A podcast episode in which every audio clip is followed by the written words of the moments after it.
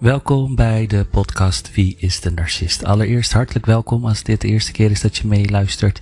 Dit kanaal is gewijd aan narcisme. In de episode van vandaag wil ik het hebben over schuldgevoelens. Schuldgevoelens die de narcist jou geeft, waardoor je, jij nog, waardoor je je nog schuldiger gaat voelen in situaties waarin het eigenlijk niet eens nodig is dat, je, dat je je schuldig hoeft te voelen. Dus, nou, laat ik maar eerst beginnen met een voorbeeld. Nou, stel je gaat naar de supermarkt. Hè, ik geef even een voorbeeld. En je doet je boodschappen. Je rekent af. Vervolgens uh, pak je je boodschap in en je gaat naar huis. Je komt thuis aan, je pakt je boodschappen daar ook weer uit. En je komt erachter dat je vergeten bent om de koffie te betalen. Je kijkt de bon na. En inderdaad, ja, je bent vergeten de koffie te betalen. Je krijgt een schuldgevoel. Een schuldgevoel en je denkt van, goh, ja, ik bel toch even die supermarkt op. Om te zeggen dat ik vergeten ben om die koffie te betalen. Of je denkt, ik ga de volgende keer gewoon als ik in de supermarkt ben. Dan betaal ik die pak koffie alsnog. Maar in ieder geval, het gaat erom, je voelt je schuldig. Een ander voorbeeld. Stel, je bent thuis met een narcist. En uh, nou, je moet even dingen doen. Hè? Je hebt een lijstje met dingen die je moet doen. Je moet bijvoorbeeld naar de apotheek of naar het postkantoor. En uh, misschien dan nog even naar de groenteboer of wat dan ook. En je zegt dat tegen de narcist. Ik ga even naar buiten. Ik moet even naar, ik moet even naar de groenteboer. Ik moet even naar, de, naar het postkantoor. En daarna ga ik even langs de apotheek. En daarna ga je weer naar huis. Nou, je gaat naar buiten. Je doet je ding. Je gaat naar de groenteboer, naar de apotheek, naar het postkantoor. En je loopt onderweg naar huis en vlak naast dat postkantoor zit een parkje en je loopt daar doorheen. En je komt een collega tegen. Dat stond niet op de planning, dat staat ook niet op je lijstje, dat is gewoon toeval. Dat kan natuurlijk gebeuren, dat gebeurt in het dagelijks leven gebeurt dat wel eens, dat je iemand toevallig tegenkomt of hè, dat je toevallig iemand uh, ziet. En je krijgt een schuldgevoel. En je denkt, oh, ja, maar ja, dat, dat, maar toch stond dat niet op je planning, dus ja, je kan er ook niet veel aan doen. En hè, het is ook niet zo dat je die collega aan het ontwijken bent of wat dan ook. Je komt die collega gewoon toevallig tegen. En je gaat naar huis. En je zegt tegen die narcist: Goh, ik ben naar het postkantoor geweest, naar de apotheek en ik ben even naar de groenteboer geweest. Maar terwijl ik onderweg naar huis liep door het parkje, kwam ik mijn collega tegen. Nou, dan zijn de rapen gaar. Want dan gaat de narcist jou een schuldgevoel aanpraten. En dat kan op allerlei manieren gebeuren. Het kan, het kan zijn dat de narcist jou beschuldigt van vreemdgaan of liegen. Dingen doen achter jou achter de rug om van de narcist. En dat is dus gaslighting. Gaslighting is jou laten twijfelen aan jouw eigen geestelijke gesteldheid. Jij gaat twijfelen aan jezelf. En gaslighting begint ogenschijnlijk heel klein. Hè? Dat bouwt zich op. Het wordt steeds erger en erger en erger. En op een gegeven moment raak je jezelf helemaal kwijt. De narcist zal je beschuldigen van uh, dat je te overgevoelig bent. Of dat je dingen ziet die er niet zijn. Hè? Of bijvoorbeeld, een narcist die is, uh, die heeft uh, pijn. Of je hebt de narcist pijn gedaan. En de narcist geeft jou de schuld ervan dat jij die narcist pijn hebt gedaan. De narcist is bijvoorbeeld gelukkig en die zegt waarvoor ben jij nou zo ongelukkig? En jij gaat geloven in wat die narcist tegen jou zegt. Misschien ben ik ook wel ongelukkig.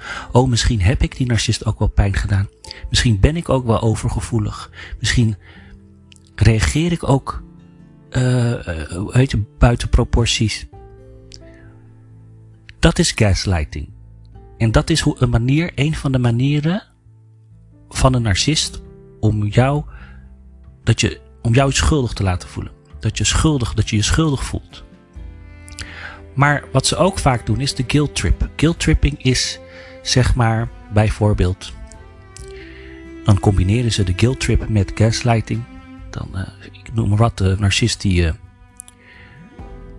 die, koopt uh, een cadeautje voor jou. Voor je verjaardag. Meestal is het dan ook een onnozel cadeau. Waar wat totaal niet bij je past. Wat waarschijnlijk even gewoon van een plank af is gepakt en uh, gewoon even afge is afgerekend. En die geeft dat cadeau aan jou. En meestal geeft de narcist dat cadeau achter gesloten deuren, waarbij niemand kan zien wat voor cadeau de narcist geeft. En die geeft jou dat cadeau en die zegt dan erbij: Ja, ik had niet. Uh, ik had geen geld, ik had niet genoeg geld om, uh, om een mooier cadeau voor jou te kopen. Maar ondertussen kijk je in de kast en dan zie je dat de narcist dure spullen heeft gekocht. Ja, maar dat telt dan niet. Oké. En stel dat die narcist jou een cadeau geeft in het bijzijn van anderen, dan is het meestal een duurder cadeau. Dan is het een cadeau die je, je eigenlijk, die jullie beiden eigenlijk misschien niet eens kunnen permitteren. Een over de top cadeau. Maar dat doet de narcist om natuurlijk he, goed voor de dag te komen in het bijzijn van anderen. He. Het imago van zo'n narcist is natuurlijk belangrijk. Nou, dan gaan we even terug naar wat ik zei. De narcist geeft je dus dat schuldgevoel. Terwijl de narcist eigenlijk dure spullen heeft gekocht en dat zie je in de kast. Denk je van, jemig, waarvoor heb je nou weer... Uh, ik bedoel, je krijgt zo'n onnozel cadeau, maar voor jezelf koop jij een uh, leuke, dure outfit. Hè, die, we die we niet eens kunnen permitteren. En als je de narcist daarmee confronteert, dan zal de narcist zeggen: Ja, maar dat is mijn geld. Ik heb dat toch verdiend. Ik heb heel weinig kleding of ik, ik heb dat gewoon nodig. Jij hebt zoveel kleding. Ik koop toch ook, jij koopt toch ook altijd kleding? Terwijl dat misschien wel zo is, er zit misschien een kern van waarheid in. Maar misschien heb jij wel die kleding in de sale gekocht, of is die kleding al, hè, of heb je dat gehad of wat dan ook. Maar de narcist zal jou dan ook een schuldgevoel geven. Nou, wees nou maar dankbaar dat ik jou een cadeau geef. Je hebt nou toch een cadeau gehad voor je verjaardag. Dat is een van de manieren van guilt tripping. Of je gaat met uh, de narcist uit eten. En de narcist verwacht dat jij gaat betalen. Ja. En als je dat niet doet, dan gaat de narcist jou ook weer guilt trippen. Zegt de narcist, jemig, zeg, kan je, je, kan je, waarvoor doe je dat nou? Waarvoor geef je nou geen geld uit aan mij? Waarvoor kunnen we, kun je nooit iets betalen voor iets leuks wat we samen doen? En om te voorkomen dat die guilt trip komt, hè, dat, het zich, dat het gaat opblazen, ga je je schuldig voelen en denk je van, ja, nou weet je wat, ik betaal het maar, want dan uh, stopt hij of zij wel met praten. Dat is guilt tripping. En dat is een schuldgevoel. Het, schuldgevoel die ze jou willen geven. En gaslighten. En dan zeggen ze er vaak bij: Wees nou dankbaar dat ik in jouw leven ben. En dan ga je daar ook in geloven. Niemand kan jou aan. Dat ga je geloven. En dit is dan misschien een heel klein voorbeeld. Dat zijn dan de kleine dingetjes. En dan denken mensen die, die nog nooit um, een narcist in hun leven hebben gehad, die denken, ja jee, maar hoe kan dat nou? Maar zo werkt dat, zo begint het. Het begint heel, het begint ogenschijnlijk heel klein. Ja, in extreme voorbeelden zijn bijvoorbeeld als de narcist jou mishandelt, hè, fysiek mishandelt, en dan jou de schuld geeft en zegt van nou het is jouw schuld dat ik jou heb geslagen, had je dat maar niet moeten doen. En je gaat erin geloven. Maar dat eerste voorbeeld, wat ik je gaf over die pak koffie die je bent vergeten te betalen, dat is een schuldgevoel die je hebt. Een gevoel, een normaal gevoel die naar boven komt, zodat je iets aan de situatie kan doen. Zodat jij het kan verbeteren. je je denkt van, oh, ik voel me schuldig, dus ik moet hier iets aan doen. Ik moet het verbeteren, ik moet het corrigeren. Ik ga die pak koffie betalen. Maar een narcist denkt niet zo. Een narcist denkt zwart-wit, goed-fout. Oké? Een narcist die, die, die heeft dat vermogen niet van, oh, ik voel me schuldig, dus ik moet mezelf corrigeren. Nee, het ligt niet aan een narcist, het ligt aan jou. De narcist zal nooit erkennen hè, dat het aan hun ligt. Kijk, want een narcist is natuurlijk een meester om jou een schuldgevoel te bezorgen over kwalijke zaken waar eigenlijk de narcist zelf verantwoordelijk voor is. De narcist is zelf verantwoordelijk. Maar zij hebben dat, uh, ze hebben die, zeg maar, die controle niet om, om na een ellendige gebeurtenis of een situatie, om uh, controle te zoeken erna. Hè, om, uh, om, om, om dat te verbeteren. Dat doet de narcist absoluut niet. En deze, dit is echt een manipulatietechniek waar je constant mee waardoor je constant schuldig gaat voelen in een relatie met een narcist. Dit gevoel blijf je altijd behouden. Het is alsof je elke dag op je, op je tenen moet lopen en moet oppassen wat je zegt. Je bent jezelf gewoon niet meer. het is als het ware, jouw huis is een gevangenis geworden waarin jij de schuldige bent en alles wat jij zegt of doet, dat wordt tegen jou gebruikt. De narcist is de rechter. De rechter van zichzelf. Oké? Dus het is echt een van de meest uh, grote kenmerken die een narcist heeft. He, dat, is, dat hoort bij de gaslighting. En schuldgevoelens geven, dat zijn een van de giftige manieren van een narcist die ze tegen jou gebruiken. En dan denk je, ja, maar wat kan ik daar dan tegen doen?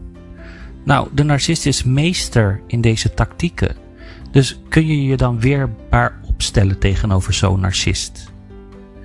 Ja, dat, dat, dat, is, dat is moeilijk. Dat is echt heel moeilijk. Maar het kan je wel helpen uh, om meer progressie te brengen. Hè? Dus bewust worden waar jouw behoeften liggen of behoeften toestaan en ervaren. Hè? Leren luisteren naar jouw eigen gevoelens jezelf leren waarderen en niet afhankelijk zijn van aandacht en waardering van anderen. Of alleen maar willen omgaan met mensen die je wat positiefs brengen. Dus het is moeilijk. Het is echt moeilijk. Want zolang jij die schuldgevoelens hebt, speelt de narcist daarop in. De narcist gebruikt dat. dat is waar de narcist eigenlijk op uit is. zodat ze die manipulatietechnieken kunnen toepassen. En ze worden er steeds beter in. Het wordt steeds erger. Dus ja, je kan je wel weerbaar proberen op te stellen tegenover zo'n narcist. Maar het blijft ongezond. de enige manier om ervoor te zorgen dat het niet meer gebeurt, is uit het leven te gaan van zo'n narcist. Of de, tenminste, eh, het contact verbreken. Jij moet weg bij de narcist. De narcist mag niet meer in jouw leven komen. Geen onderdeel uitmaken van jouw leven. En van een toekomst samen. Dus wat ik al zei, het begint klein en het, het wordt steeds groter, groter, groter, erger en erger en erger. Want je wordt gewoon emotioneel totaal gedraind. Alle energie wordt uit jou gezogen door zo'n narcist. Een narcist laat, laat niets meer van je over. Hè? Zoals ik, ik heb dat vaker in een eerder, in eerdere podcast uitgelegd. Kijk naar een foto van vroeger, voor de narcist en tijdens de narcist. En voor degene die, die luisteren en die, uh, die het is gelukt om, uh, de, om de contacten te verbreken met, een narcist. Kijk naar de foto's van nu. Kijk hoe, daar, hoe, hoe er een sparkle, een glow is op je gezicht. Ja, ze zeggen ook vaak foto's spreken meer dan woorden.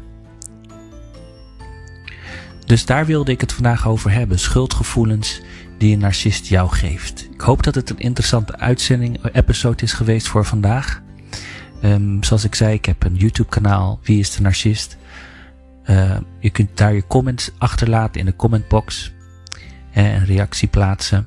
En uh, natuurlijk abonneren op mijn kanaal. Um, bedankt voor het luisteren voor vandaag. En tot de volgende keer.